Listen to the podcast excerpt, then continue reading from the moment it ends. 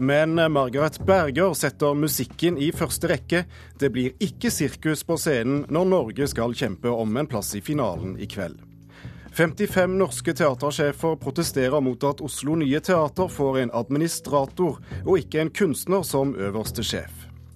Publikum får aldri nok av hotell i særklasse. Teaterkompani reiser verden rundt med middagskonsept basert på TV-serien. Og vi anmelder Dan Browns siste bok i Kulturnytt i Nyhetsmorgen, her med Thomas Alverstein Ove.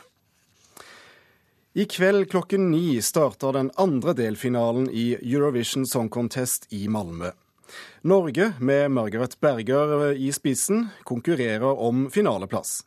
Det norske, tema, det norske, teamet har eh, tro på at de vil overgå konkurrentenes bidrag, selv uten falsettsang og pyroteknikk. Sangøvelser siver ut fra bakrommet på arenaen i Malmö. I kveld er det klart for semifinale i Eurovision Song Contest. Det som er med den semifinalen, er at det er mer opptempo-ting, så man må liksom presse mer for å komme igjennom det. Men jeg håper at nummeret mitt skiller seg ut. De som Margaret Berger må skille seg ut blant i kveld, er bl.a. aserbajdsjanske Farid, finske Kristas poplåt 'Marry Me' og Cæsar fra Romania, som bokstavelig talt tar helt av.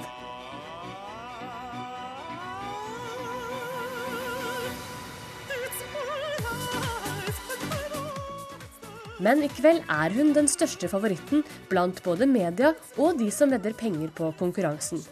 Og etter mange uker med øving føler hun seg godt forberedt. Hva tenker du de siste minuttene før det går på? Du, Da står vi liksom og danser litt til den eh, låta som er før. Og, og liksom tenker at nå må du være til stede, nå må du gjøre det du skal gjøre. Og liksom Jeg prøver å fokusere veldig, da. Men alt kan skje under direktesendingen, og går hun ikke videre i kveld, blir hun ganske skuffa. Ja, jeg blir skuffa hvis jeg ikke går videre. Selvfølgelig. Jeg har kommet hit for å komme til finalen og få lov til å synge, eh, synge låta foran 100 millioner seere. Eh, men jeg, jeg, jeg, klarer meg. Det går bra med meg, men det, det er lov til å bli skuffa. Selvfølgelig. Morten, Per Mikael og Geir fra den norske Melodi Grand Prix-fanklubben sitter i pressesenteret og skriver på bloggene sine. Hvilke råd vil dere gi til Margaret når hun skal eh, delta i CM-finalen? Det er bare stå på, være kul og sånn som hun har gjort i alle øvelsene her. og Bare stå på og levere sangen sin, så går dette fantastisk bra. Hvilke tips vil dere gi henne når det gjelder stylingen og antrekket og det, det visuelle her? Hold det under rødvinsflaska, er mitt råd. For det rødvinsflekkposisjonen der er ikke bra. Men ellers er hun så bare utrolig vakker og hun er så styla. Wow, hele dama. Også kordamene har mye å tenke på. Det er jo stå stille. ikke falle. Og ja, så er det jo å gjøre oppgaven vår. Synge og gjøre den koreografien vi skal gjøre. Ja. Synge de stemmene vi har øvd på. Vi har jo vært her en stund nå. Eh, og vi øver hver dag og pirker på små detaljer, så da gjelder det bare å fokusere de tre minuttene, så, så blir det bra stå stille, så er det litt vanskelig å ikke la seg rive med og ja, nei, jeg tenkte egentlig mer på Vi har veldig høye sko, og så er det noe med når man står der, så er det plutselig veldig vanskelig å balansere på det når man skal stå i en posisjon. Høye hæler til tross, sceneshowet er relativt neddempet. Ifølge Margaret Berger er det et bevisst valg. Nei, Vi har tatt noen valg. Vi har tatt et valg som jeg mener gjør at vi skiller oss ut. da. Eh, det er ikke pyro, det er ikke 1000 eh, trommer som skal spilles på, det er ikke tribal-tatoveringer. Det her har vi gjort av en grunn. Vi er fullt klar over at Eurovision skal det skje masse, men det er, ikke sånn jeg, jeg ønsker ikke at det skal være et sirkus, jeg ønsker at folk skal få med seg låten. Ja, Det sa en eh, trygg Margaret Berger til reporter Ina Strøm. Og du Ina er vår Grand Prix-reporter. Hvordan er stemningen i Malmö nå? Margaret sier at hun vil ha sirkus, men hun får definitivt sirkus i hvert fall eh, gjennom hele arrangementet her. Det er, det er, Grand Prix, det er Eurovision, og akkurat nå i Malmö så virker det som om ikke det eksisterer noe annet i hele universet. Det er helt galskap, Thomas. Jeg kom, jeg kom inn på hotellet her i går kveld, og det var som å tre inn i en aserbajdsjansk eh, bygdefest med, med, med, alt det tilhører av mat og musikk og, og, mennesker. Og akkurat nå så gikk det forbi her i, en, en dame i, i høye hæler hæler som klakket forbi med et fransk flagg opp av vesken. Altså, det er en sånn, det er en sånn sann paneuropeisk opplevelse. Og det er altså journalister fra hele verden. Det er folk fra Australia som er her og dekker det. Og det er, det er, det er helt i tråd med formålet da, da denne konkurransen ble til på 50-tallet. Så var jo det litt av poenget at det skulle være en sånn sameuropeisk opplevelse. Det er det definitivt. Og så er det kjempesvært. Altså Arenaen det er som en flyplass. Du, du, må, gjennom sikker, du må gjennom sikkerhetskontroller for å, for å gå ut og hente noe i bilen. Altså det er helt Det er kjempesvært. Likevel, eh, musikk er jo tross alt kjernen her. Hvordan var prøvene i går? I går var det to prøver. Den siste var den som juryen skal legge til grunn for sin poenggiving. Altså, den er ganske avgjørende for om eh, vi, hvem, som går, hvem, som går, videre til eh, finalen. Eh, så den er viktig. Margaret eh, selv sa at hun var veldig fornøyd, og jeg, jeg syns hun, hun, ser veldig trygg ut. Hun sier at ikke hun er noe nervøs, og jeg tror på henne, da. Og så er det en ny prøve i ettermiddag, så, og så er det selve semifinalen. Så jeg tenker kanskje bare kreftene hennes og stemmen hennes holder, så kan dette gå veldig, veldig fint. Men eh, jeg syns prøvene gikk veldig fint i går. Hvem er de sterkeste utfordrerne i, i kveld? Utfordrere og utfordrere. altså Det er jo sånn at det er en del sånn forhåndsfavoritter her, og, og bettingselskaper og tippeselskaper og sånn har, har eh, sagt hvem de har størst tro på. Og alle de som har vært de sterkeste konkurrentene til Norge sånn totalt i konkurransen, de var i den første semifinalen. Så i den semifinalen som er i kveld, så er Margaret ganske soleklart på førsteplass, eh, på førsteplass der. Så eh, jeg blir veldig overraska hvis ikke hun går videre, men det er, det er noen gode, gode bidrag med. altså. Vi, eh, vi, får vel da nesten ta det for gitt at vi får se Margaret Berger i eh, finalen på lørdag. Tusen takk skal du ha, Ina Strøm i Malmö. Delfinalen eh, vises altså på NRK1 i kveld klokken ni.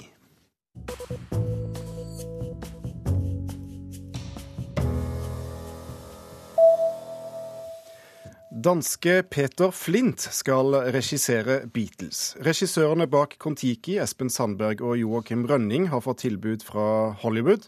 Blant annet har produsentene bak Pirates of the Caribbean 5 meldt interesse. De har derfor takket nei til å produsere den norske filmen, skriver VG. Sandefjord-duoen er ikke ute av Beatles-prosjektet og vil være sparringspartner med Flint. Den danske regissøren er bl.a. kjent for filmen Arn Tempelridderen.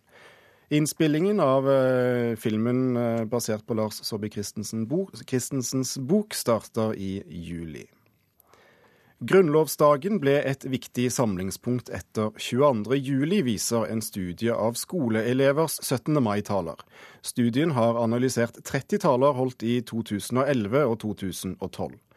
17. mai blir sett på som en samlende kraft, og opplevelsen av å stå sammen ble videreført fra rosetogene, sier sakprosaforsker Johan Tønneson til Klassekampen. Styreledere i film og kino vil ha ekstern granskning om pengebruken. I dag har styret innkalt til et ekstraordinært møte for å se på bevilgningene til videoforlaget NVHF Forlag. Knut Even Lindsjøen sier til Dagsavisen at de må forsikre seg om at utbetalingene har vært i tråd med regelverket, og at rutiner for håndtering av søknader, oppfølging og kontroll er blitt fulgt.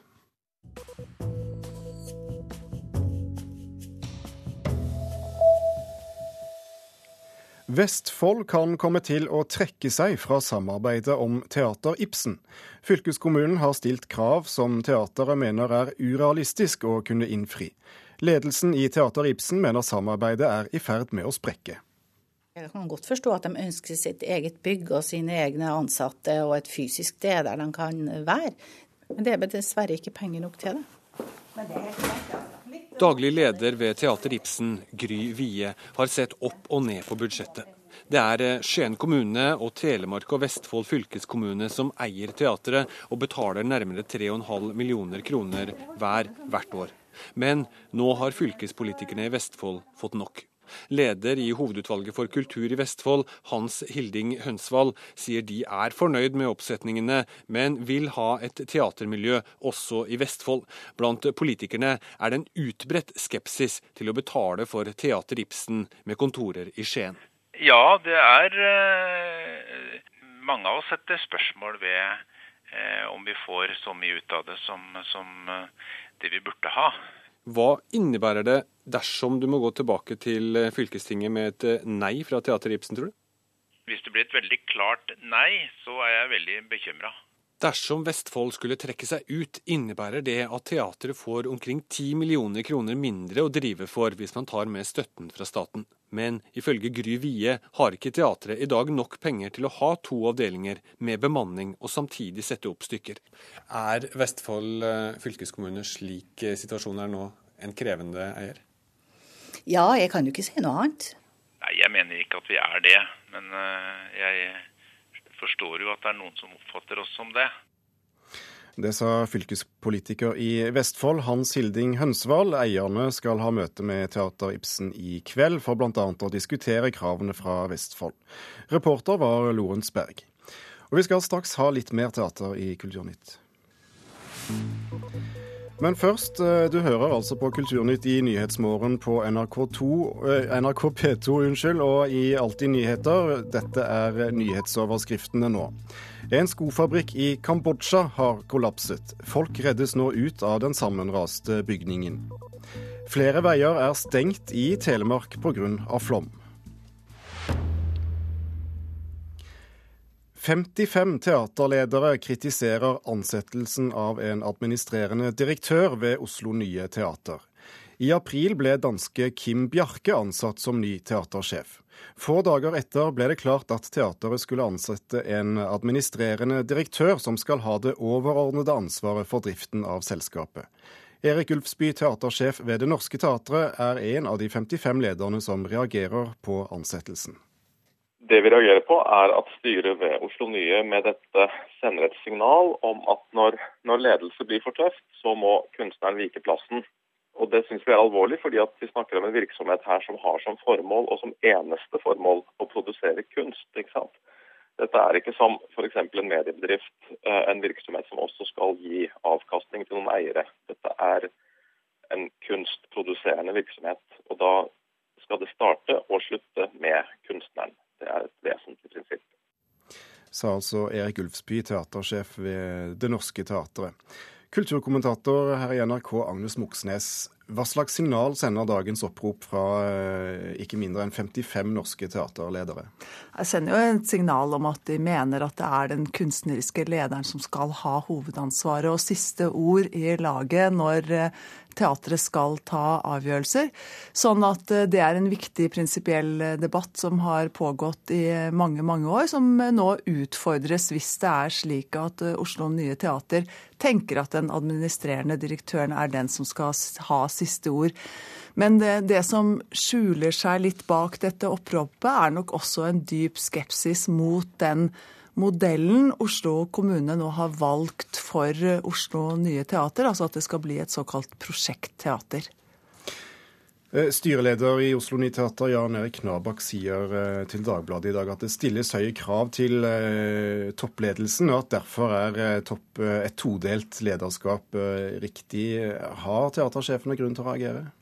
Ja, altså eh, Det som skjer på Oslo Nye Teater nå, er jo at de skal legge om totalt driften. Altså de går, de, det er et stort eksperiment på et eh, tradisjonsrikt teater. 100 fast ansatte, 8 kommunale millioner kroner hvert år. Så det er klart, og, og Kim Bjarke, som ble ansatt eh, for en måneds tid siden, vel, visste ikke om dette her da han ble ansatt. Sånn at her eh, går, blir eh, veien til man, før man riktig har begynt å, å gå. Eh, og det er, er, det er, klart at det reageres på, på det. Sånn at her må det nok gås noen runder til, det er helt sikkert.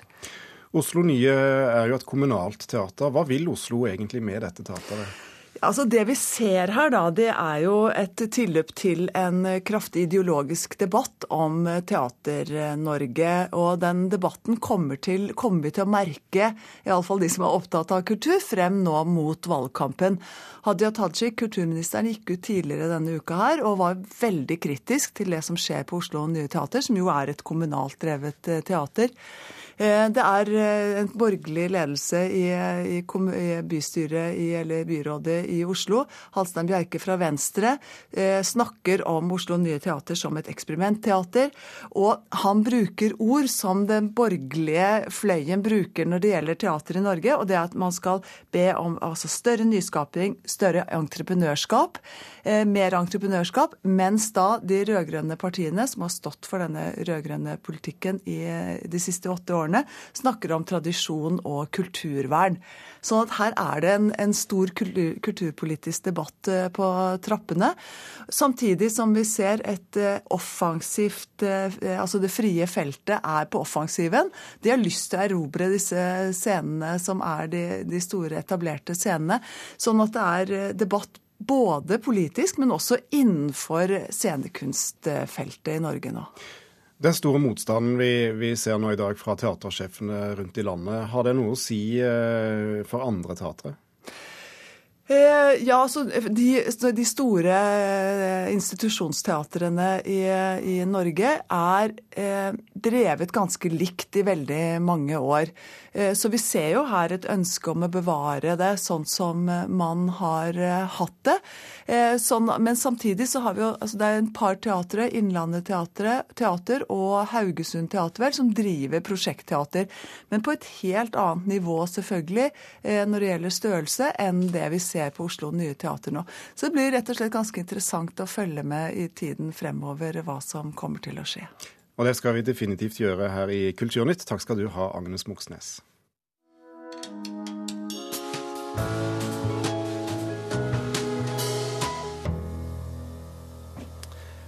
Som mange vil ha fått med seg, er den nyeste romanen til Dan Brown, 'Inferno', nå sluppet eh, til glede for eh, mange millioner lesere som har sans for avansert kodeknekking og luftige spenningskurver. Vil forfatteren bak eh, Da Vinci-koden og Det tapte symbol greie å begeistre fansen denne gangen også? Vår kritiker Marta Norheim har lest romanen. Det er like godt å si det med en gang. Jeg er en av de som la bort Da Vinci-koden etter få sider. Jeg fant boka masete, konstruert og dårlig skrevet, og bestemte meg for at jeg ikke gadd å leke med Dan Brown. Så, for få dager siden, greip skjebnen forkledd som Kulturnytt, inn og la Inferno på pulten min. Nå er det ett av to. Enten har Brown blitt en bedre forfatter, eller jeg har blitt en mer jovial kritiker. Det har seg slik at en professor i det for meg ukjente universitetsfaget symbologi ved Harvard våkna opp på et sykehus i Firenze til sin store forvirring og ganske snart også skrekk, ettersom han blir skåten etter, og overlever så vidt takket være en snarrådig lege av typen kvinnelig, pen og smart. De havner på rømmen og blir forfulgt av mange ulike skurker, som alle ser ut til å være knytt til sjølve hovedskurken, nemlig den gale vitskapsmannen som vil gjøre ende på oss alle, sånn grovt rekna.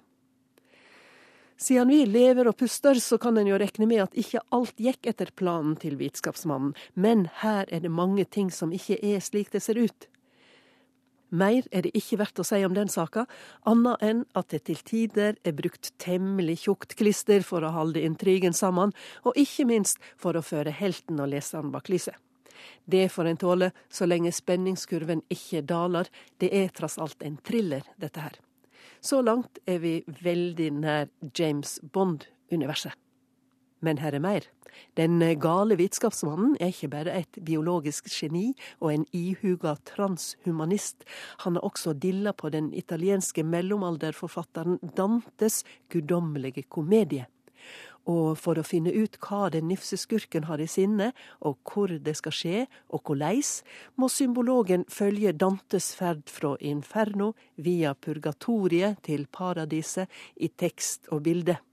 Dette er et ganske smart trekk av den gale vitenskapsmannen, men her blir Brown litt i overkant forelska i sin egen research, og dynger på med kunnskap om arkitektur og bildekunst, og mye annet som er interessant i og for seg, men som ikke kler romanen så godt, og som andre har skrevet mye bedre om. Her får romanen en eim av Wikipedia. Men det er bare å haste videre, for helten har bare ett døgn på seg før alt skal bli helt annerledes her på kloden, hvis han ikke finner løsninga. Intrigen vrir og bukter seg som en fortapt synder i Dantes inferno, og forfatteren greier å holde spenninga oppe til siste slutt med drevne triks. At den gale vitenskapsmannen i utgangspunktet sysler med ekte problem, gjør ikke romanen mindre, men det skal jeg ikke røpe for mye av her. Det sa vår kritiker Marta Norheim om 'Inferno' av Dan Brown. Og boken er oversatt til norsk av Sverre Knutsen. Den britiske TV-komedien Faulty Towers, eller Hotell i særklasse, er fortsatt populær. Snart 40 år etter at den første gang ble vist på BBC. Et australsk teaterkompani lar publikum oppleve hvordan det kunne vært, ha, ha, hvordan det kunne ha vært å bli servert av rollefigurene i serien. Og nå er de i Norge for første gang. No, Basil doesn't bet any more, Major, do you, dear? No, I don't, dear. No, no, that particular avenue of pleasure has been closed off. John Cleese som hotelldirektør Basil Fawlty er TV-historie. And we don't want it opened up again, do we, Basil? No, you don't, dear. No. Så populær er 70-tallsserien fra BBC at den stadig vises på TV rundt om i verden. What is that? It's my hamster. Piggy Young. Hamster? Sissy? No, no, no, pigeon. And well, it's a rat. Pigeon. It's a rat. No, no, no, no, it's hamster. Well, of course it's a rat. You have rats in Spain, don't you? What did Franco have them all shot? Den krakilske hotellsjefen, hans sarkastiske kone og underkuede spanske kelner er ikoniske rollefigurer. Nå også i et omreisende, interaktivt teater. Et australsk teaterkompani reiser verden rundt for å la folk oppleve hvordan det kunne ha vært å bli servert av de elleville karakterene. Og denne uka er de vertskap i Stavanger. Kunstnerisk leder for kompaniet er Alison Pollard Manser. We'll seek them, we'll serve them. The stage is around your table. Sometimes the stage is on your table. Sometimes the stage is under your table. It depends where the actors are working. The idea is for you to feel like you're in that television series. Middagsgjestene er en del av spillet, og de skal føle at de er i TV-serien når de blir servert av Basil, Sybil og Manuel, sier Pollard Manser, som har reist rundt i 16 år med denne hyllesten til komedien, som John Cleese skrev sammen med kona Connie Booth. It's a whole lot of tributes, it's an homage to uh, all of the episodes that uh, Cleese and Booth wrote. It's one of the most popular comedies around the world. You call that a bath? It's not big enough to drown a mouse. It's disgraceful. I wish you were a mouse on a tree. It was so well written. It's layers upon layers upon layers of, of comedy. And and every time I see the episodes, I can still laugh. I can still find something new. That is Torquay, madam. It's not good enough. Well, may I ask what you were expecting to see out of a Torquay hotel bedroom window? Sydney Opera House, perhaps? The Hanging Gardens of Babylon? Herds of wildebeest? Det ble bare laget tolv eksklusive episoder, og de er så velskrevet at det er umulig å gå lei. Det sier Pollard Manser om årsaken til TV-suksessen, som nå altså kan oppleves på kroppen i ny utgave. Publikum fikk gebiss i suppa, og selv ikke reportere slapp unna Basils temperament. Sorry, I'm just trying to do an interview. Folk betaler gjerne for å bli plaget i denne sammenhengen, sier teatersjefen. Familien Viggo, Vicky og Ellen Marie Ødegård Stenbekk kan bekrefte. De, de utøver karakterene bra. Han eh, sendte oss ut pga. brannalarm. Men så fikk du benyttet anledningen til å gå på do, da. og Jarle Tvervågvik, som hadde fått kvelden i julepresang, ble slett ikke skuffa. Det er en hysterisk form på humor som jeg virkelig har sansen for. Og jeg eh, jeg syns de har gjort en eh, fantastisk gjenskaping av Forty Towers. Originalen klarer ingen å matche, men eh, jeg syns de har gjort en fantastisk bra kveld. Reporter på Middagsteater var Anette Johansen Espeland. Auksjonshuset Christies i New York satte ny omsetningsrekord under auksjon av samtidskunst i natt norsk tid. Der bl.a. et maleri av Jackson Pollock gikk for 340 millioner kroner. Omsetningen totalt var på 3 milliarder kroner. Ni av de solgte verkene gikk for mer enn 60 millioner kroner. I Kulturnytt eh, denne morgenen eh, har du hørt at Margaret Berger er klar til å kjempe om finaleplass i Eurovision Song Contest i kveld. Sendingen var laget av Frode Thorsøy, Vidar Sem og Thomas Alverstein Ove, men Nyhetsmorgen fortsetter her i P2 og Alltid nyheter.